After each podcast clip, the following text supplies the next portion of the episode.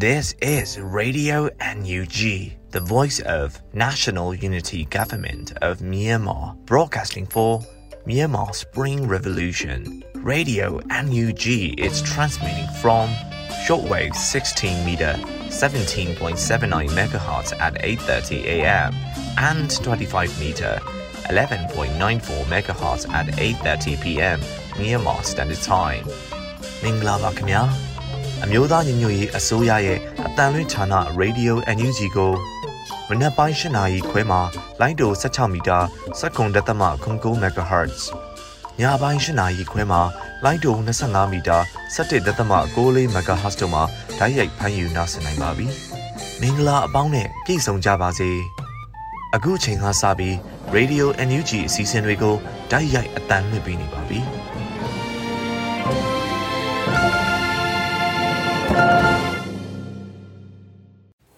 မြန်မာနိုင်ငံသူနိုင်ငံသားအပေါင်းတဘာဝပြီးစစ်အာဏာရှင်ပြည်တို့ကနေကင်းဝေးပြီးဘေးကင်းလုံခြုံကျန်းမာကြပါစေလို့ Radio UNG အဖွဲ့သားများကဆုတောင်းမေတ္တာပို့သလိုက်ရပါတယ်ရှင်။ပထမဆုံးအနေနဲ့ကာကွယ်ရေးဝန်ကြီးဌာနရဲ့စီရေးတရေအချင်းချုပ်ကိုမောင်ကျူးမှတင်ပြပေးမှာဖြစ်ပါတယ်ရှင်။အမျိုးသားညီညွတ်ရေးအစိုးရကာကွယ်ရေးဝန်ကြီးဌာနကထုတ်ပြန်တဲ့နေ့စဉ်စီရေးတရေချင်းချုပ်ကိုတင်ပြပါတော့မယ်ခင်ဗျာ။ စင်းမြရာ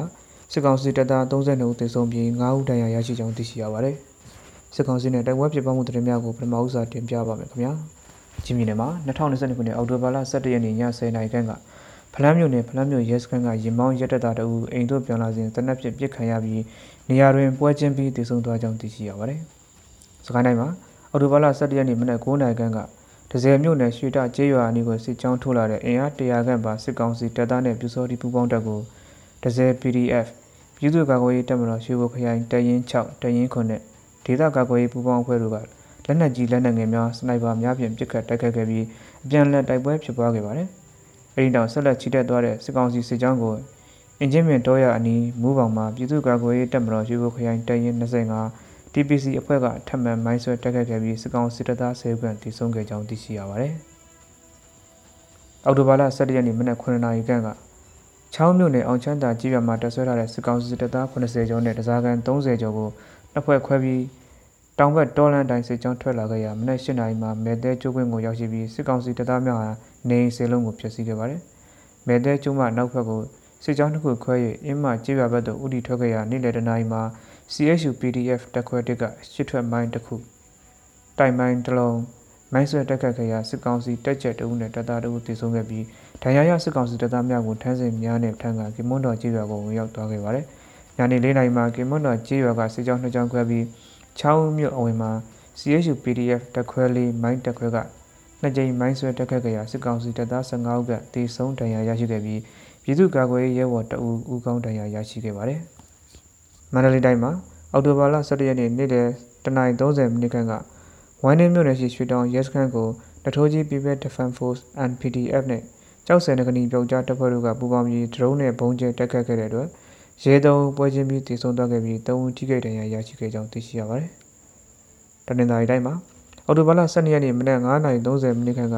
ဗိုလ်ပြင်းမြို့နယ်ဝါချောင်းရွာရှိပြည်တော်စုကားလမ်းမဘက်ကိုခြေလျင်စစ်ကြောင်းချီတက်လာတဲ့စစ်ကောင်စီတပ်သားများကိုပြည်သူ့ကာကွယ်ရေးတပ်မတော်ကော်တောင်းခရိုင်တရင်တစ်စစ်ကြောင်းနဲ့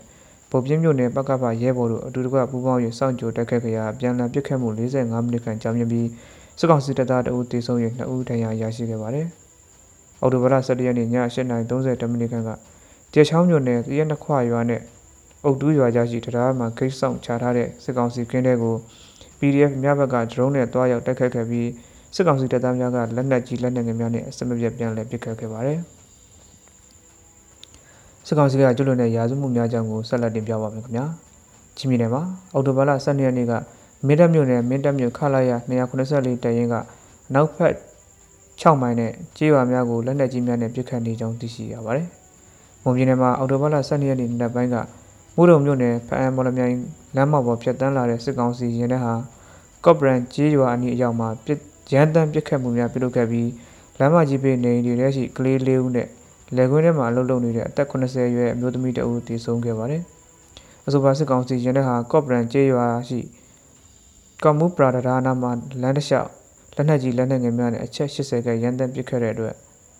ကြောက်ကော့ကြရွာကကလေးတအူကော့ဆိုင်ရွာကကလေး2ဦးနဲ့ကျွဲကြံကုန်းရွာကကလေး2ဦးသေဆုံးခဲ့ပါတယ်။ပြစ်ခတ်မှုကြောင့်ပြည်သူ9ဦးသေဆုံးခဲ့တဲ့အပြင်ကော့ပရန်ရွာကဒေသခံပြည်သူများပြားဒဏ်ရာရရှိခဲ့ပြီးလမ်းဘေးမုံဆိုင်ကိုကြီးထိမှန်ခဲ့၍မုံဆိုင်မှာမုံဝယ်စားနေတဲ့ကလေးတအူရဲ့မျက်နှာလည်း ထိခိုက်ဒဏ်ရာရရှိခဲ့ကြောင်းသိရှိရပါတယ်။ရခိုင်ပြည်နယ်မှာအော်တိုဘလ17ရက်နေ့ကကြောက်ဖြူမြို့နယ်ကြောက်ဖြူမြို့ရရှိချက်ကွက်မှာနေထိုင်တဲ့ Gym Trainer ကိုမောင်တင်တွန်း30နှစ်ကိုကြောက်ဖြူခြေဆိုင်ခလာရ34တိုင်ရင်ကစစ်ကောင်စီတပ်ဖွဲ့ဝင်အင်အား10ဝန်းကအိမ်စီးကားနှစ်စီးနဲ့လာရောက်ဖမ်းဆီးခေါ်ဆောင်သွားခဲ့ပါတယ်။အော်တိုဘလ17ရက်နေ့ည10:00နာရီခန့်ကဝူစီတောင်မြို့နယ်ညောင်ချောင်းကျေးရွာအုပ်ချုပ်ရေးမှူးဦးလင်းလင်း40နှစ်အဖဦးရွှေမောင်ကိုဝူစီတောင်မြို့ဈေးနီးနားမှာ ဆက်လီစိတ်မှာစစ်ကောင်စီတပ်သားများကဖမ်းဆီးသွားကြောင်းသိရှိရပါတယ်။တနင်္လာနေ့တိုင်းမှာအော်တိုဘလ17ရက်နေ့ည8:19မိနစ်ခန့်ကလောင်းလုံးမြို့နယ်ပတလဲရွာကပြူစောတိများဟာရာဟောင်းဝကြီးရွာမှာရွာသားတို့ကိုလာရောက်ဖမ်းဆီးသွားခဲ့ပါတယ်။အော်တိုဘာလ17ရက်နေ့နေ့လယ်ပိုင်းကလောင်းလုံးမြို့နယ်ကမြောက်ကင်းတရမှာအမျိုးသား2ဦးနဲ့အမျိုးသမီး2ဦးကိုစစ်ကောင်စီတပ်သားများကကားနဲ့လူကိုပါဖမ်းဆီးထားခဲ့ကြောင်းသိရှိရပါတယ်။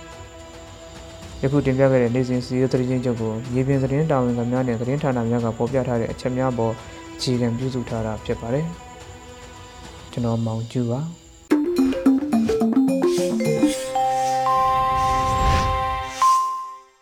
ဆက်လက်ပြီး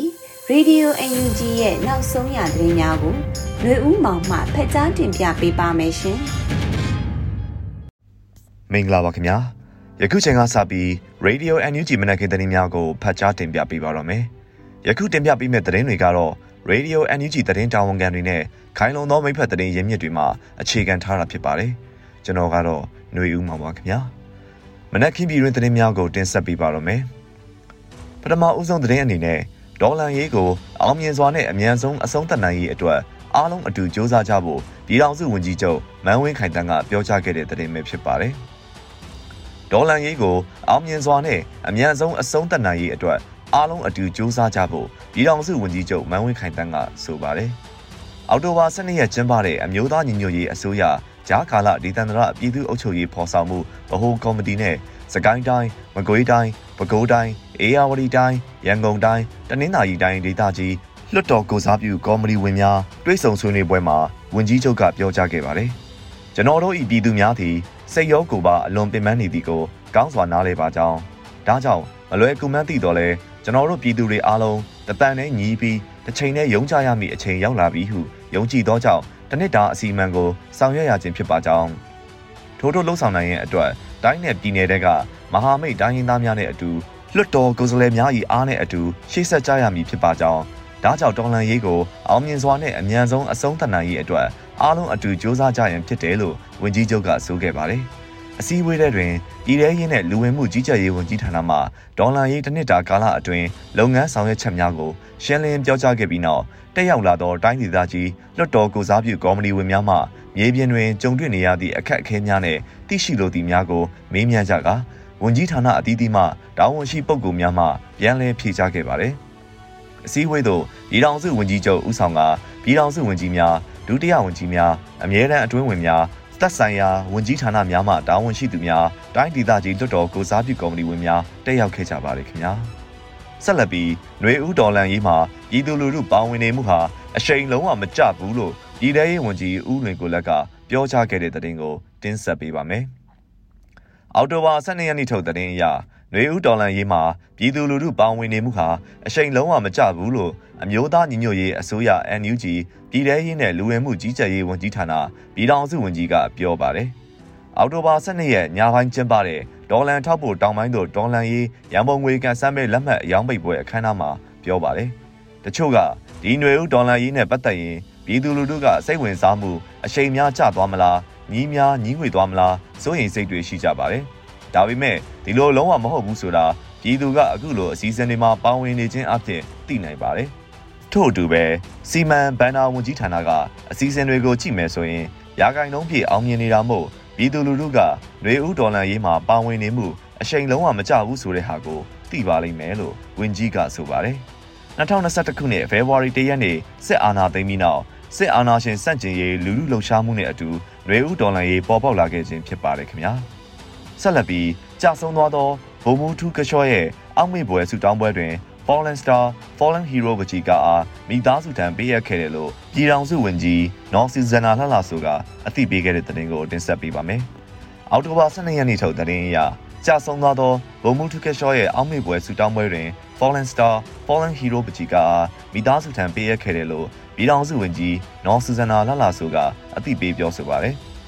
အောက်တိုဘာ12ရက်နေ့မှာပြည်ထောင်စုဝန်ကြီးကလူမှုကွန်ရက်မှာကြာဆုံးသွားသောဗိုလ်မှူးထုကချော၏အောင်းမိပွဲဆုတောင်းပွဲတွင် Fallen Star Fallen Hero ပကြီးကအားမိသားစုထံပေးအပ်ခဲ့ပါတယ်လို့ဆိုပါတယ်။ Fallen Star Foreign Hero ပကြီးကကိုပြည်သူလူထုအတွက်လူအခွင့်အရေးနဲ့တရားမျှတမှုအတွက်လွတ်မြောက်ရေးအတွက်မိမိအသက်ကိုပဒါနမထားဘဲကြာရနေရမှာဒေါ်လန်တိုက်ပွဲဝင်နေကြသူများအားလုံးအတွက်ရည်ရွယ်ရေးဆွဲခဲ့တာဖြစ်တယ်လို့ဝန်ကြီးကဆိုထားပါတယ်။ပကြီးကရောင်းရငွေ ဘတ်တပေါင်းနဲ့မြစ်တာပြအားပေးမှုတစ်ခုလည်းဝန်ကြီးဌာနအနေနဲ့ပြုလုပ်ဖြစ်ခဲ့ပါတယ်ခင်ဗျာဆက်လက်ပြီးမြန်မာစစ်တပ်တို့လက်နက်များဆက်ဆက်နီးပညာများနဲ့ဆက်ဆက်ဆက်လက်နက်ပစ္စည်းများရောင်းချနေခြင်းကိုချက်ချင်းရပ်တန့်ပေးရန်ကုလသမဂ္ဂမှတာမန်ကြီးဦးကျော်မိုးထွန်းကပြောကြားခဲ့တဲ့သတင်းကိုတင်ဆက်ပေးပါမယ်မြန်မာစစ်တပ်တို့လက်နက်များဆက်ဆက်နီးပညာများနဲ့ဆက်ဆက်ဆက်လက်နက်ပစ္စည်းများရောင်းချနေခြင်းကိုချက်ချင်းရပ်တန့်ပေးရန်ကုလသမဂ္ဂမှတာမန်ကြီးဦးကျော်မိုးထွန်းကပြောကြားခဲ့ပါတယ်။ အောက်တိုဘာ17ရက်89ကြိမ်မြောက်ကုလသမဂ္ဂအထွေထွေညီလာခံပထမကော်မတီလက်နက်ဖြတ်သိမ်းရေးနဲ့နိုင်ငံတကာလုံခြုံရေးကော်မတီ၏အထွေထွေမူဝါဒရေးရာမိကွန်ပြောကြားမှုအစီအစဉ်မှာကုလသမဂ္ဂဆိုင်ရာမြန်မာအမြဲတမ်းကိုယ်စားလှယ်တမ်းမတ်ကြီးဦးကျော်မိုးထွန်းကဆိုခဲ့ပါတယ်။မြန်မာပြည်သူများ၏အသက်ပေါင်းများစွာသည့်မြန်မာစစ်တပ်တို့လက်နက်နှင့်ဆက်ဆက်ပစ္စည်းများရောင်းချနေမှုကိုရပ်တန့်နိုင်ရေးတိကျပြတ်သားစွာဆုံးဖြတ်နိုင်မှုအပေါ်တွင်များစွာမူတည်နေပါကြောင်း စစ်တပ်အနေဖြင့်လက်နက်များဆက်လက်ရရှိနေမည်ဆိုပါကအပြစ်မဲ့ပြည်သူများနဲ့ကလေးငယ်များအပေါ်လူမဆန်သောရက်စက်မှုများကိုဆက်လက်ကျူးလွန်နေမည်မှာမလွဲအေကံဖြစ်ပါကြောင်းရောင်းချတင်သွင်းပေးဖို့သည့်နိုင်ငံများအနေဖြင့်လည်းအပြစ်မဲ့မြန်မာပြည်သူများအပေါ်ကျူးလွန်သည့်စစ်တပ်၏ရက်စက်သောတပ်ဖြတ်မှုများတွင်ပူးတွဲပါဝင်နေမည်ဖြစ်ပါကြောင်းနိုင်ငံများအနေဖြင့်မြန်မာစစ်တပ်တို့လက်နက်များဆက်ဆက်နည်းပညာများနဲ့ဆက်ဆက်ဆက်လက်နက်ပစ္စည်းများရောင်းချနေခြင်းကိုချက်ချင်းရပ်တန့်ပေးရန်ပြောကြားလိုတယ်လို့ဆိုခဲ့ပါတယ်။ ပြီးခဲ့သောစက်တင်ဘာလ16ရက်နေ့ကစစ်တပ်ဟာစကိုင်းတိုင်းဒေသကြီးတပင်းရင်မြို့နယ်လက်ရက်ကုန်းချေရွာရှိစာတင်ကျောင်းတစ်ခုကိုရဟတ်ရင်အုံပြု၍ပြစ်ခတ်တက်ခတ်ခဲ့ရာအပြစ်မဲ့စွာပညာသင်ကြားနေတဲ့ကလေးငယ်9ယောက်ပါဝင်အ ਨੇ ဆုံးလူ73ဦးခန့်သေဆုံးခဲ့ရကြောင်းစစ်တပ်သည်ရင်းကဲ့သို့လူမဆန်သောရက်စက်မှုများကိုပထမအကြိမ်ဒုတိယအကြိမ်သို့မဟုတ်တတိယအကြိမ်ကျူးလွန်နေခြင်းမဟုတ်တဲ့ကဲ့သို့နောက်ဆုံးအကြိမ်ကျူးလွန်နေခြင်းလည်းမဟုတ်ပါကြောင်းတန်အမတ်ကြီးကထပ်လောင်းပြောကြားခဲ့ပါတယ်ခင်ဗျာ။ ဆက်လက်ပြီးရေစကြိုမြို့နယ်ရက်ကျေးပခဖပအဖအဖွဲ့များပြည်သူ့ဆန္ဒဖြည့်ရွေးကောက်ပွဲစည်းခဲ့တဲ့သတင်းကိုတင်ဆက်ပေးပါမယ်။အောက်တိုဘာ12ရက်နေ့ထုတ်သတင်းအရမကွေးတိုင်းရေစကြိုမြို့နယ်ရက်ကျေးပခဖပအဖအဖွဲ့များပြည်သူ့ဆန္ဒဖြည့်ရွေးကောက်ပွဲဖွဲ့စည်းခဲ့ပါတယ်။အခုလိုရွေးကောက်ဖွဲ့စည်းမှုကိုအောက်တိုဘာ12ရက်နေ့မှာရေစကြိုမြို့နယ်ပြည်သူ့အုပ်ချုပ်ရေးအဖွဲ့ကအသိပေးဆိုလိုက်တာပါ။ရေစကြိုမြို့နယ်ကျေးရွာများတွင်ရေစကြိုမြို့နယ်ပြည်သူ့ကာကွယ်ရေးအဖွဲ့နဲ့ပူးပေါင်း၍ ဂျေးရွာလူလူစည်းဝေးဝဲများပြုလုပ်ပြီးရက်ကျေးပခဖပအဖအဖွဲ့များရွေးကောက်ဖွဲ့စည်းခဲ့ပါတယ်လို့ဆိုပါတယ်။ရေစကြိုမြို့နယ်တွင်အကြမ်းဖက်စစ်ကောင်စီတပ်ဖွဲ့ဝင်များလုံးဝအုပ်ချုပ်ခွင့်မရစေရဘဲရေစကြိုမြို့နယ်ကိုရေစကြိုပြည်သူလူထုကိုယ်တိုင်ကာကွယ်စောင့်ရှောက်ကြမှာဖြစ်တယ်လို့ရေစကြိုမြို့နယ်ပြည်သူ့အုပ်ချုပ်ရေးအဖွဲ့ကကြေညာပါတယ်ခင်ဗျာ။ဆက်လက်ပြီးပြည်ထရေးနဲ့လူဝင်မှုကြီးကြပ်ရေးဝန်ကြီးဌာနနဲ့စကိုင်းတိုင်းမကွေးတိုင်းရှိမြို့နယ်ပြည်သူ့အုပ်ချုပ်ရေးအဖွဲ့များတွဲဆုံဆွေးနွေးခဲ့တဲ့တဲ့တင်ကိုတင်ဆက်ပေးပါမယ်။ အော်တိုဝါ12ရက်နေ့ထုတ်သတင်းအရပြည်ထရေးနဲ့လူဝင်မှုကြီးကြပ်ရေးဝန်ကြီးဌာနနဲ့စကိုင်းတိုင်းမကွေးတိုင်းရှိမြို့နယ်ပြည်သူ့အုပ်ချုပ်ရေးအဖွဲ့များတွေ့ဆုံဆွေးနွေးခဲ့တယ်လို့သတင်းရရှိပါတယ်။အော်တိုဝါ12ရက်အမျိုးသားညီညွတ်ရေးအစိုးရပြည်ထရေးနဲ့လူဝင်မှုကြီးကြပ်ရေးဝန်ကြီးဌာနနဲ့စကိုင်းတိုင်းမကွေးတိုင်းရှိမြို့နယ်ပြည်သူ့အုပ်ချုပ်ရေးအဖွဲ့များတွေ့ဆုံဆွေးနွေးမှုအစည်းအဝေး၄မြင်းဆောင်2022ကိုကျင်းပခဲ့ပါတယ်။ဆွေးနွေးပွဲသို့ပြည်ထရေးနဲ့လူဝင်မှုကြီးကြပ်ရေးဝန်ကြီးဌာန တွဲဘက်အမြဲတမ်းအတွင်းဝန်ဒေါက်တာလိုင်မြင့်ဟန်မှတက်ရောက်၍အဖွင့်အမှာစကားပြောကြားရာတွင်အုပ်ချုပ်ရေးလုပ်ငန်းများသည်လွန်စွာမှကြီးလေးသောတာဝန်ဖြစ်၍မြို့နယ်များအနေဖြင့်စနစ်တကျဆောင်ရွက်သွားရန်လိုအပ်ပါကြောင်းထိန်းချုပ်နယ်မြေများရရှိလာသည့်နှင့်အမျှပြည်သူ့အုပ်ချုပ်ရေးလုပ်ငန်းများကိုအကောင့်အထည်ပေါ်ဆောင်ရွက်လျက်ရှိပါကြောင်းပြည်သူ့အုပ်ချုပ်ရေးအဖွဲ့များအနေဖြင့်ပြည်သူ့ဝန်ဆောင်မှုကဏ္ဍများကိုလည်းလင်းဟင်းမှုမရှိစေရန်ဝိုင်းဝန်းချက်မှတ်ဆောင်ရွက်ကြရမည်ဖြစ်ပါကြောင်းပြောကြားခဲ့ပါတယ်။ဆက်လက်ပြီး မိသက်ဦးစီးဌာနကမိလောင်မှုဆုံးရှုံးမှုနဲ့ပတ်သက်၍စည်ရင်းကောက်ယူရမည်ပုံစံအား၎င်းပြည်သူ့အုပ်ချုပ်ရေးဦးစီးဌာနမှရုံးစာရေးသားနည်းပုံစံများအား၎င်းရှင်းလင်းပြောကြားခဲ့ပြီးတက်ရောက်လာသောမြို့နယ်ပြည်သူ့အုပ်ချုပ်ရေးအဖွဲ့ဝင်များကမြေပြင်အုပ်ချုပ်ရေးဆောင်ရွက်နေမှုများအုပ်ချုပ်ရေးလုပ်ငန်းများနှင့်ပတ်သက်၍ဂျုံတွေ့နေရသည့်အခက်အခဲများနှင့်လိုအပ်ချက်များထိန်းချုပ်နေမြေများအတွင်ကျေးရွာအုပ်ချုပ်ရေးရန်ရာများကိုခိုင်ခိုင်မာမာလဲပတ်နေသည့်အခြေအနေများစသည်တို့ကိုရှင်းလင်းတင်ပြပြီးသိရှိလိုသည့်များအားမေးမြန်းကြကာ ဝန်ကြီးဌာနမှတပ်ဆိုင်ရာတာဝန်ရှိသူများကပြန်လည်ဖြေကြားခဲ့ပါသည်အစည်းအဝေးသို့တွဲဖက်အမြဲတမ်းအတွင်းဝင်ဦးဆောင်ကပြည်သူ့အုပ်ချုပ်ရေးဦးစီးဌာနပြည်သူ့ရဲတပ်ဖွဲ့မိသက်ဦးစီးဌာနလူဝင်မှုကြီးကြပ်ရေးဦးစီးဌာနနဲ့အထူးစုံစမ်းစစ်ဆေးရေးဦးစီးဌာနမှတာဝန်ရှိသူများတက်ရောက်ခဲ့ပါတယ်ခင်ဗျာဆက်လက်ပြီးကရင်နီဒီမိုကရက်တစ်တပ်ဦး KDF ထံသို့2030လေကြောင်းရန်ကာကွယ်ရေးတပ်မှတပ်ချက်ကြီးတဦးအလင်းဝင်ခိုးလုံခဲ့တဲ့တဲ့တင်ကိုတင်ဆက်ပေးပါမယ် အောက်တိုဘာ12ရက်နေ့ထုတ်တဲ့တင်အရကရင်နီဒီမိုကရက်တစ်တပ်ဦး KDF ထံသို့2030လေကြောင်းရန်ကာကွယ်ရေးတပ်မှတပ်ချက်ကြီးတဦးအလင်းဝင်ခိုးလုံခဲ့ပါတယ်အောက်တိုဘာ12ရက်နေ့ကကရင်နီဒီမိုကရက်တစ်တပ်ဦး KDF ထံသို့နပါတ2030လေကြောင်းရန်ကာကွယ်ရေးတပ်မှအသက်24နှစ်တပ်ချက်ကြီးမှ KDF ထံသို့ဝင်ရောက်ခိုးလုံလာခဲ့ပြီးကရင်နီဒီမိုကရက်တစ်တပ်ဦးမှလိုက်လဲစွာကြိုးစိုးလက်ခံခဲ့ပါတယ်လို့ဆိုပါတယ်။ အဆိုပါတက်ချက်ကြီးဟာပြည်သူရင်ဝင်ထံသို့ခိုးလုံခွင့်တောင်းခံလာခဲ့ပြီးပြည်သူများအပေါ်စိတ်မကောင်းကြောင်းနဲ့ပြည်သူဘက်မှရက်တီချင်းခဲ့တာကြားပြီးဖြစ်ကြောင်းအခွင့်မသာ၍ထွက်မလာမရခြင်းအပေါ်လွန်စွာနောင်နာရကြောင်းပြောပြခဲ့ပါတယ်။နောက်ထပ်ပြည်သူ့ထံခိုလုံလာမဲ့စစ်ကောင်စီတပ်များအားလည်းဂျိုးစိုးနေမှာဖြစ်ပြီးစီစစ်၍လက်ခံသွားမှာဖြစ်တယ်လို့ Granny Democratic Front KDF ကဆိုပါတယ်ခင်ဗျာ ဆက်လက်ပြီးချောင်းဦးမြို့နယ်မဲတဲကျိုးကွင်းရှိနေအိမ်များကိုအကြမ်းဖက်စစ်တပ်ကနေအိမ်အလုံး80ကျော်ကိုမီးရှို့ဖျက်ဆီးခဲ့တဲ့တဲ့တင်အားတင်ဆက်ပေးပါမယ်အော်တိုဘာ12ရက်နေ့ထုတ်တဲ့တင်အရ6ဦးမြို့နယ်မဲတဲကျိုးကွင်းရှိနေအိမ်များကိုအကြမ်းဖက်စစ်တပ်ကနေအိမ်အလုံး80ကျော်ကိုမီးရှို့ဖျက်ဆီးခဲ့ပါတယ်။အော်တိုဘာ12ရက်နေ့မှာချောင်းဦး Revolution ကအသိပေးဆိုပါတယ်။ စကိုင်းတိုင်းချောင်းဦးမြို့နယ်မဲသေးကျုပ်ခွင့်ရှိနေအိမ်များကိုစစ်ကောင်စီတပ်ကအော်တိုဘာ17ရက်နေ့မနက်ပိုင်းမှာအင်အား80ခန့်ဖြင့်ဝင်ရောက်စီးနင်းပြီးနေအိမ်89လုံးကိုမိရှို့ဖျက်ဆီးခဲ့ပါတယ်လို့ဆိုပါတယ်။အော်တိုဘာလ9ရက်နေ့ကလည်းချောင်းဦးမြို့နယ်ခင်မုန်းကျေးရွာမှာအကြမ်းဖက်စစ်တပ်များကနေအိမ်14လုံးနဲ့စားတောက်ဆိုင်ဒီဇိုင်းကိုမိရှို့ခဲ့ပါသေးတယ်ခင်ဗျာ။ဆက်လက်ပြီးနောက်ဆုံးသတင်းအနေနဲ့အိန္ဒိယနိုင်ငံမီဇိုရမ်မှာမတောင့်မိသောမိုးခါရေရုပ်ရှင်ဇလန်တို့အောက်တိုဘာ29ရက်နေ့ပြသမိဖြစ်တဲ့အကြောင်းအားတင်ဆက်ပေးပါမယ်။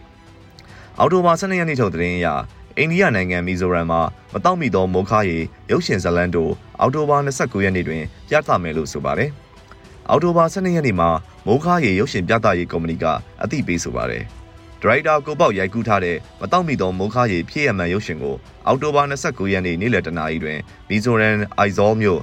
ဒွာပူီ multi-purpose ခန်းမတွင်ပြသမယ်လို့သတင်းရရှိပါတယ်လို့ဆိုပါတယ်။ ဝန်ကြီးတယောက်ရူပီ300သတ်မှတ်ထားပြီးရရှိတဲ့အကျိုးမြတ်အားလုံးကိုကိုပေါက်ရုပ်ရှင်ပြသရေးကော်မတီတို့ပေးအခါလိုအပ်တဲ့နေရာတွင်ပြန်လည်လှူဒန်းသွားမယ်လို့ဆိုပါတယ်။၎င်းအစီအစဉ်ကိုမီဇိုရမ်မှာ KCSD,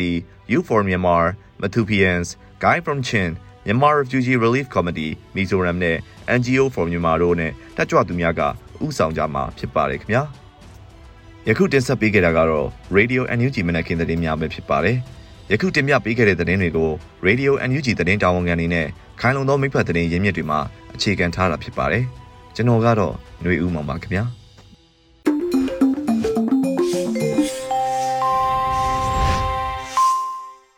Radio UNG မှဆက်လက်တင်ပြနေပါတယ်။အခုတစ်ဖန်ပြည်သူခုခံတော်လှန်စစ်တရင်များကိုຫນွေဦးလိပ်ပြမှတင်ဆက်ပေးမှာဖြစ်ပါတယ်ရှင်။ အခုအချိန်ကစပြီးတိုင်းရင်းသားညီနောင်အင်အားစုတွေပြည်သူ့ကာကွယ်ရေးတပ်မတော် PDF တပ်သားတွေနဲ့ပြည်သူလူထုတို့ရဲ့အရှိန်အဟုန်မြင့်လာသောတိုက်ပွဲသတင်းတွေကိုစူးစီးတင်ဆက်ပေးသွားမှာဖြစ်ပါတယ်။ကျမຫນွေဦးလေးပြပါပထမဦးစွာမြောင်မြို့နယ်လာဝကယုံနှင့်စစ်ဆေးရေးလှုပ်ဆောင်နေသောစစ်ကောင်စီတပ်ဖွဲ့များဒရုန်းဖြင့်ပုံတိချတိုက်ခိုက်ခံရတဲ့တဲ့ရင်တင်ဆက်ပါမယ်။ စကိုင်းတိုင်းမြောင်မြို့နယ်လာဝကယုံနှင့်စစ်စေးရေးလှုပ်ဆောင်နေသောစစ်ကောင်စီတပ်ဖွဲ့များဒရုန်းဖြင့်ဘုံတိချတိုက်ခိုက်ခံရပြီးစစ်ကောင်စီတပ်သား၄ဦးသေဆုံးကြောင်းဒေသခံတွေကဆိုပါတယ်။မြောင်မြို့နယ်တောင်ဘက်လာဝကယုံကိုအောက်တိုဘာလ10ရက်နေ့နနက်10:00နာရီခန့်တွင်လာဝကယုံဝန်ထမ်းတချို့ပုံလျိုကွယ်လျိုနေစဉ် TGR Women Drone Force အဖွဲ့မှဒရုန်းဖြင့်ဘုံတိချကသတိပေးတိုက်ခိုက်ခဲ့တာပါ။ ညနေ9နာရီခန့်တွင်မူစက်မှုလေယာယုံရှိစစ်စေးရေးလှုပ်ဆောင်နေသောစစ်ကောင်စီတပ်ဖွဲ့များကိုကာကွယ်ရေးတပ်ဖွဲ့များကထပ်မံဒရုန်းဖြင့်ဘုံတိချတိုက်ခိုက်ခဲ့ပြီးစစ်ကောင်စီတပ်သား၄ဦးသေဆုံးခဲ့တယ်လို့သတင်းရရှိပါရသည်ဆက်ပြီးမုံရွာမအူရွာကိုဝင်ရောက်ခဲ့တဲ့စစ်တပ်မိုင်းဆွဲခံရပြီးထိခိုက်မှုများပြားတဲ့သတင်းတင်ဆက်မှာပါ။ မုံရွာမြို့နယ်မအူရွာကိုဝင်ရောက်ခါပြန်လာသည့်စစ်ကား၃စီးမိုင်းဆွဲတိုက်ခိုက်ခံရကစစ်သား၁၀ဦးသေဆုံးကြောင်းဒေသကာကွယ်ရေးအဖွဲ့ကပြောပါရယ်။ စစ်ကား၃စီးကို အောက်တိုဘာလ17ရက်နေ့မိုးလယ်12နာရီခန့်တွင်ဒေသခံကာကွယ်ရေးတပ်ဖွဲ့များကမုံရွာမြို့ဆက်မှုဆောင်အဝိုင်းပတ်ပန်းတကွန်ကိုပိုင်ကျောင်းအနီးတွင်ပဒေသာမိုင်းလေးလုံးဖြင့်ဖောက်ခွဲတိုက်ခိုက်ခဲ့ပြီးကားတစ်စီးထိမှန်ကစစ်သား10ဦးသေဆုံးပြီးထိခိုက်ဒဏ်ရာရရှိသူများပြားခဲ့တယ်လို့ FRF အဖွဲ့ကထုတ်ပြန်ပါတယ်။ ကြိုက်ထီယိုဖျာတောင်ဘက်ဂိတ်ရှိစစ်ကောင်စီတပ်ဖွဲ့ဝင်များပစ်ခတ်ခံရပြီးစစ်သားနှင့်ရဲ15ဦးခန့်ဒဏ်ရာရတဲ့သတင်းဆက်လက်တင်ဆက်ပါမယ်။မွန်ပြည်နယ်ကြိုက်ထုံမြို့နယ်ကင်းမွန်စခန်းကင်းမွန်ချောင်းကျေးရွာအနီးကြိုက်ထီယိုဖျာတောင်ဘက်ဂိတ်ရှိစစ်ကောင်စီတပ်ဖွဲ့ဝင်များကိုအမည်စစ်စစ်ဆဲအဖွဲ့ကအောက်တိုဘာလ12ရက်ယနေ့နနက်၌လာရောက်ပစ်ခတ်ခဲ့ပြီး တောင်တက်ဂိတ်ရှိစစ်ကောင်စီတပ်ဖွဲ့ဝင်များ15ဦးခန့်တိုင်ရရကကြိုက်ထိုးစေယုံတို့ပို့ဆောင်ထားကြောင်းဒေသခံတွေကဆိုပါတယ်ရှင်။နောက်ဆုံးအနေနဲ့ပခုတ်ကူမြို့နယ်အတွင်းစစ်တပ်စစ်ကြောင်းထိုးလာစဉ်တိုက်ခိုက်ခံရတဲ့တဲ့တင်တင်ဆက်မှာပါ။ မကွေးတိုင်းပခုတ်ကူမြို့နယ်မြိုင်အရှိပိုင်းသို့အကြမ်းဖက်စစ်တပ်စစ်ကြောင်းထိုးလာစဉ်တိုက်ခိုက်ခံရပြီးအထိကိများစွာဖြင့်ပြန်လည်ဆုတ်ခွာသွားကြောင်း Young Force UG အဖွဲ့ထံမှသိရှိရပါသည်။အကြမ်းဖက်စစ်တပ်စစ်ကြောင်းသည်ပြည်သူများနေထိုင်သည့်ကျေးရွာများကိုစစ်ကြောင်းထိုးလာစဉ်အောက်တိုဘာလ10ရက်နေ့၌ပြည်သူ့ကာကွယ်ရေးတပ်ဖွဲ့များနှင့်ထိတွေ့တိုက်ပွဲဖြစ်ပွားခဲ့ကြောင်းတိုက်ပွဲအတွင်းလက်နက်ကြီးလက်နက်ငယ်များဖြင့်၃နာရီကျော်ကြာထိတွေ့မှုဖြစ်ပွားခဲ့ကြောင်းထိထွေမှုဖြစ်ပွားပြီးနောက်အကြံဖတ်စစ်တပ်စစ်ကြောင်းသည်ထန်းစင်များပကံများကျိုင်းထောင်များဖြင့်ပြန်လည်ဆုတ်ခွာသွားရတယ်လို့ Young Force UG ကဆိုပါရရှင်။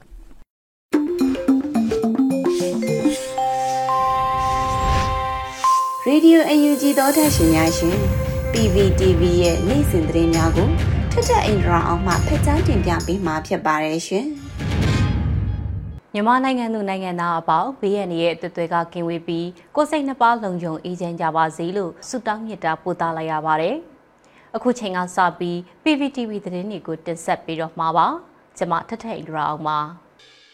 ထမအဆုံးတင်ဆက်ပေးမယ့်သတင်းကတော့စကိုင်းတိုင်းနဲ့မကွေးတိုင်းမြို့နယ်ပြည်သူ့လုံခြုံရေးအဖွဲ့တွေနဲ့ပြည်ထောင်နဲ့လူမှုကြီးကြပ်ရေးဝန်ကြီးဌာနတို့အကြားတွေ့ဆုံဆွေးနွေးမှုတွေပြုလုပ်ခဲ့တဲ့ဆိုတဲ့သတင်းမှာစကိုင်းတိုင်းနဲ့မကွေးတိုင်းမှာရှိတဲ့မြို့နယ်ပြည်သူလုံခြုံရေးအဖွဲ့တွေနဲ့အမျိုးသားညီညွတ်ရေးအစိုးရပြည်ထောင်ရေးနဲ့လူဝင်မှုကြီးကြပ်ရေးဝန်ကြီးဌာနတို့ကြားတွေ့ဆုံဆွေးနွေးမှုကိုအော်တိုဝါလာ17ရက်မနက်10:00နာရီအချိန်မှာပြုလုပ်ခဲ့ပါတယ်။တွဲဆုံပွဲမှာပြည်ထောင်နဲ့လူဝင်မှုကြီးကြပ်ရေးဝန်ကြီးဌာနတွဲဘက်အမြဲတမ်းအတွင်းဝင်ဒေါက်တာလှိုင်မြင့်ဟန်က တော်လှန်ရေးအောင်မြင်စီရေးအတွက်မြို့နယ်တွေရဲ့လှုပ်ဆောင်ချက်တွေကများစွာအရေးပါတယ်။ကာကွယ်ရေးနဲ့အုပ်ချုပ်ရေးလုပ်ငန်းတွေဟန်ချက်ညီစွာဆောင်ရွက်ကြမှာဖြစ်တဲ့အလားတူပြည်သူ့လုံခြုံရေးအဖွဲ့တွေအနေနဲ့ပြည်သူ့ဝန်ဆောင်မှုကဏ္ဍတွေကိုလည်းလစ်ဟင်းမှုမရှိစေရန်ဝိုင်းဝန်းကြက်မှတ်ဆောင်ရွက်ကြမှာဖြစ်တယ်လို့ပြောကြားလိုက်ပါတယ်။အဲဒီနောက်မှာတော့ပြည်သူ့ရဲတပ်ဖွဲ့အဖွဲ့ဝင်တွေကလုပ်ငန်းဆောင်ရွက်နေမှုတွေကိုရှင်းလင်းတင်ပြဆွေးနွေးမှုတွေပြုလုပ်ခဲ့ပါတယ်။ မြို့နယ်ပါလာဖအဖွဲ့ဝင်တွေကမြေပြင်မှာပြုလုပ်နေတဲ့အမှုကိစ္စဆောင်ရွက်နေမှုတွေတရားဥပဒေစိုးမိုးရေးလုပ်ငန်းတွေပြည်ပြည်ပြင်းပြင်းလဲပတ်နိုင်ရေးအတွက်ကြုံတွေ့နေရတဲ့အခက်အခဲတွေနဲ့လိုအပ်ချက်တွေထိတ်ချုပ်နေမြေတွေအတွင်းကျေးရွာအုပ်ချုပ်ရေးရန်တရားတွေကိုခိုင်ခိုင်မာမာလဲပတ်နေတဲ့အခြေအနေတွေကိုရှင်းလင်းတင်ပြခဲ့ပါတယ်။ဆက်လက်ပြီးတော့တက်ရောက်လာတဲ့သူတွေကသိရှိလူတာတွေကိုဝန်ကြီးဌာနကိုမေးမြန်းခဲ့ကြပြီးသက်ဆိုင်ရာတာဝန်ရှိသူတွေကလည်းပြန်လည်ဖြေကြားမှုတွေပြုလုပ်ခဲ့တာပါ။ အစည်းအဝေးကိုတွဲဖက်အမြဲတမ်းအတွင်းဝင်နဲ့ပြည်သူ့အုပ်ချုပ်ရေးဦးစီးဌာနပြည်သူ့ရဲတပ်ဖွဲ့ကတာဝန်ရှိသူတွေစကိုင်းတိုင်းနဲ့မကွေးတိုင်းမှာရှိတဲ့မြို့နယ်ပြည်သူ့အလုံးချုပ်ရေးအဖွဲ့ဝင်တွေတက်ရောက်ခဲ့ကြပါတယ်။ဆလတ်တင်ဆက်ပေးမှာကတော့ကြာဆုံးခဲ့ရတဲ့ YDF တီထောင်သူအဖွဲ့ဝင်ဒုစစ်ဦးစီးချုပ်ကိုဖြိုးဝေဆိုကိုအာဇာနည်သူရဲကောင်းဖြစ်ဂုံယူအတိအမှတ်ပြုတယ်လို့ပြည်ထောင်စုဝန်ကြီးဒေါက်တာဆဆာပြောကြားလိုက်တဲ့သတင်းမှာ ကြာဆုံးခဲ့ရတဲ့ YDF တီထောင်သူအဖွဲ့ဝင်ဒုစစ်ဦးစီးချုပ်ကိုဖြိုးဝေဆိုကိုအာဇာနည်သူရဲကောင်းအဖြစ်ဂုဏ်ယူအတိအမှတ်ပြုတယ်လို့အမျိုးသားညီညွတ်ရေးအစိုးရအပြည်ပြည်ဆိုင်ရာပူးပေါင်းဆောင်ရွက်ရေးဝန်ကြီးဌာနပြည်ထောင်စုဝန်ကြီးဒေါက်တာဆဆာကအော်တိုဘာလ17ရက်နေ့မှာထုတ်ပြန်ပြောကြားလိုက်ပါတယ်။ ကိုဖြိုးဝေဆိုဟာလက်ယုံရည်နှလုံးရည်ပြေဝသူတဦးဖြစ်ပြီးရဲဘော်ရဲဘက်တွေရဲ့ချစ်ခင်လေးစားမှုကိုရရှိထားသူတဦးဖြစ်တဲ့ဆိုတာနဲ့အခုလိုဆုံးရှုံးမှုဟာချင်းပြည်နယ်နဲ့ဆက်ဆက်နေပြီးညီနောင်မဟာမိတ်ဖြစ်တဲ့ရောဒေတာအတွက်ကြီးလေးတဲ့ဆုံးရှုံးမှုတစ်ခုဖြစ်ုံသားမကမြန်မာတနိုင်ငံလုံးရဲ့ဆုံးရှုံးခြင်းလည်းဖြစ်တယ်လို့ပြည်ထောင်စုဝန်ကြီးရဲ့ထုတ်ပြန်ချက်မှာဖော်ပြထားပါတယ်။ဒါကြောင့်ကိုဖြိုးဝေဆိုရဲ့အသက်ဆုံးရှုံးမှုအပေါ်ရောသူရောသားတွေနဲ့ထပ်တူလွန်စွာဝမ်းနည်းပြီးတော့ နိုင်ငံနဲ့လူမျိုးရဲ့အနာဂတ်အတွက်အသက်ပေးဆက်ခဲ့တဲ့ကိုဖြိုးဝေဆိုကိုအာဇာနည်သူရဲကောင်းအဖြစ်ဂုဏ်ယူအသိအမှတ်ပြုတယ်လို့ပြည်ထောင်စုဝန်ကြီးကပြောကြားထားပါတယ်။ YDF တီထောင်သူအဖွဲ့ဝင်ဒုစစ်ဦးစီးချုပ်ကိုဖြိုးဝေဆိုဟာအော်တိုဘာလ9ရက်နေ့2022ခုနှစ်မွန်လဲတနာရီ48မိနစ်မှာဂံကောမြို့နယ်ကျွန်းခုံသားရွာအနီးမှာဖြစ်ပွားတဲ့တိုက်ပွဲအတွင်းကြဆုံခဲ့ရတာလည်းဖြစ်ပါတယ်။ ဆက်လက်ပြီးတော့မြိုင်မြို့နယ်အတွင်းမှာအကြမ်းဖက်စစ်တပ်ကကြေးရွာတွေထဲဝင်ပြီးနေအိမ်တွေကိုမိရှုဖျက်ဆီးမှုတွေပြုလုပ်နေတဲ့ဆိုတဲ့သတင်းကိုတင်ဆက်ပေးမှာပါမကွေးတိုင်းမြိုင်မြို့နယ်အရှိပိုင်းကကြေးရွာတွေတဲကိုအကြမ်းဖက်စစ်တပ်ကစစ်ကြောင်းထိုးဝင်ရောက်ပြီးတော့နေအိမ်တွေကိုမိရှုဖျက်ဆီးတာတွေပြုလုပ်နေတာပါမြိုင်မြို့နယ်အရှိပိုင်းဝန်းတူအိုင်ရွာကိုရောက်နေတဲ့စစ်ကြောင်းကအော်တိုဘာလ17ရက်မနက်ပိုင်းမှာဝါသုံးအိုင်ရွာကိုမိရှုဖျက်ဆီးခဲ့ပြီးတော့ ရှင်မတောင်ကြီးဘက်ကိုထွက်သွားတယ်လို့နှွေဦးတော်လှန်ရေးမြိုင်ကအတိပေးထားပါတယ်။အကြမ်းဖက်စစ်တပ်ရဲ့မိရှုဖျက်ဆီးမှုကြောင့်ဝါသုံးအိုင်ရွာကနေအိမ်22လုံးနဲ့နွားစာချံ2လုံးအပါအဝင်အင်ဂျင်24လုံးမိလောင်ပျက်စီးခဲ့ရပါတယ်။ပြည်သူတွေနေအိမ်ကိုအကြောင်းမဲ့မိရှုဖျက်ဆီးခဲ့တဲ့အကြမ်းဖက်စစ်တပ်ကိုရှင်မတောင်ကြီးအနီးမှာဒေသခံပြည်သူကာကွယ်ရေးတပ်တွေကတိုက်ခိုက်မှုတွေပြုလုပ်ခဲ့တယ်လို့ຫນွေဦးတော်လှန်ရေးမြိုင်ကဖော်ပြထားပါတယ်။ Data for မြန်မာကထုတ်ပြန်ထားတဲ့စီးရင်ဒီအရဆိုရင်စကိုင်းတိုင်းအတွင်းမှာအကြမ်းဖက်စစ်တပ်နဲ့လက်ပါစီအဖွဲ့အစည်းတွေရဲ့မိရှုဖျက်ဆီးမှုကြောင့်ဩဂတ်လ25ရက်နေ့အထိနေအိမ်ပေါင်း2153လုံးအထိပျက်စီးခဲ့ရပြီးဒေသခံပြည်သူအများအပြားလဲထွက်ပြေးတိမ်းရှောင်နေကြရပါတယ်။မိရှုဖျက်ဆီးခံရမှုအခြေအနေတွေကိုလလိုက်လေ့လာကြည့်မယ်ဆိုရင်2022ခုနှစ်ဧပြီလမေလနဲ့ဇွန်လ3လဟာနေအိမ်ပျက်စီးမှုအရေးအတွက်အများဆုံးလတွေဖြစ်ခဲ့ပြီး အဲ့ဒီ3လအတွင်းနေအိမ်ပေါင်း12000ကျော်ဖျက်ဆီးခံရတာလည်းဖြစ်တယ်လို့ Data for မြန်မာကဖော်ပြထားပါတယ်။အခုနောက်ဆုံးအနေနဲ့မြန်မာနိုင်ငံတဝန်းကလူမျိုးပေါင်းစုံဘာသာပေါင်းစုံပါဝင်တဲ့ဆရာနာရှင်အမြင့်ပြည့်ချေမှုန်ရေးလူလူဆန္ဒပြပွဲသတင်းတွေကိုစုစည်းတင်ဆက်ပေးပါတော့မယ်။စကိုင်းတိုင်းမုံရွာမှာကျောင်းသားလူငယ်တွေဦးဆောင်ပြီးတော့အကြမ်းဖက်ဆင်အနာရှင်တော်လှန်ရေးဆန္ဒပြတပိတ်ကိုပြုလုပ်ခဲ့ပါတယ်။ မုံရမြို့နယ်အခြေခံပညာကျောင်းသားများတက်မကလူငယ်များဦးဆောင်တဲ့တပိတ်စစ်ကြောင်းကမြင်းခွာတစ်ချက်ပေါက်ရင်မိဟုံဟုံတောက်စီရမယ်ဆိုတဲ့စတန်းပါဘန်နာကိုကင်ဆွဲပြီးတော့မုံရမြို့ပေါ်တနေရာမှာအကြမ်းဖက်စစ်တပ်အမြင့်ဖြတ်ချီမုံရေးချီတက်ခဲ့တာပါမန္တလေးတိုင်းပြည်ကြီးတကုံတပိတ်အင်အားစုတွေကအကြမ်းဖက်ဆရာနာရှင်ဆက်ကြီးဆန္ဒပြတပိတ်ကိုဒီကနေ့မှပြုလုပ်ခဲ့ပါတယ်။ ဆန္ဒပြတော်လှန်ပြည်သူတွေကအကြမ်းဖက်စစ်တပ်စန့်ကျင်ရေးစတာတွေကိုကိုင်ဆောင်ပြီးအကြမ်းဖက်ဆီယနာရှင်ကြာရှုံးရေးဟစ်ချွေးမှုတွေနဲ့ဆန္ဒပြလှုပ်ရှားမှုပြုလုပ်ခဲ့တာပါရင်းမပင်မြို့နယ်ရွှေနွယ်သွေးတပိတ်စစ်ကြောင်းက921ရက်မြောက်ဖြစ်ဆရာနာရှင်စန့်ကျင်ဆန္ဒပြတပိတ်ကိုပြုလုပ်ခဲ့ပါတယ်ဆန္ဒပြဒေါ်လာပြည်သူတွေက accept energy and our ambassador Richard D ထက်တာဆိုတဲ့စာသားတွေကိုကိုင်ဆောင်ပြီးတော့ချီတက်ဆန္ဒပြခဲ့တာပါ။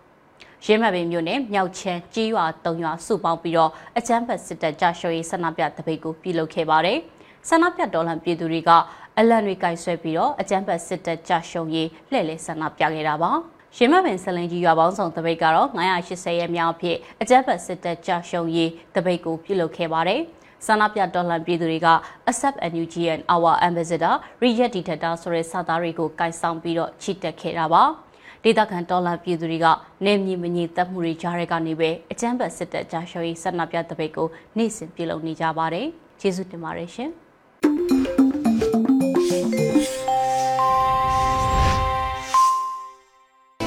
အာနာ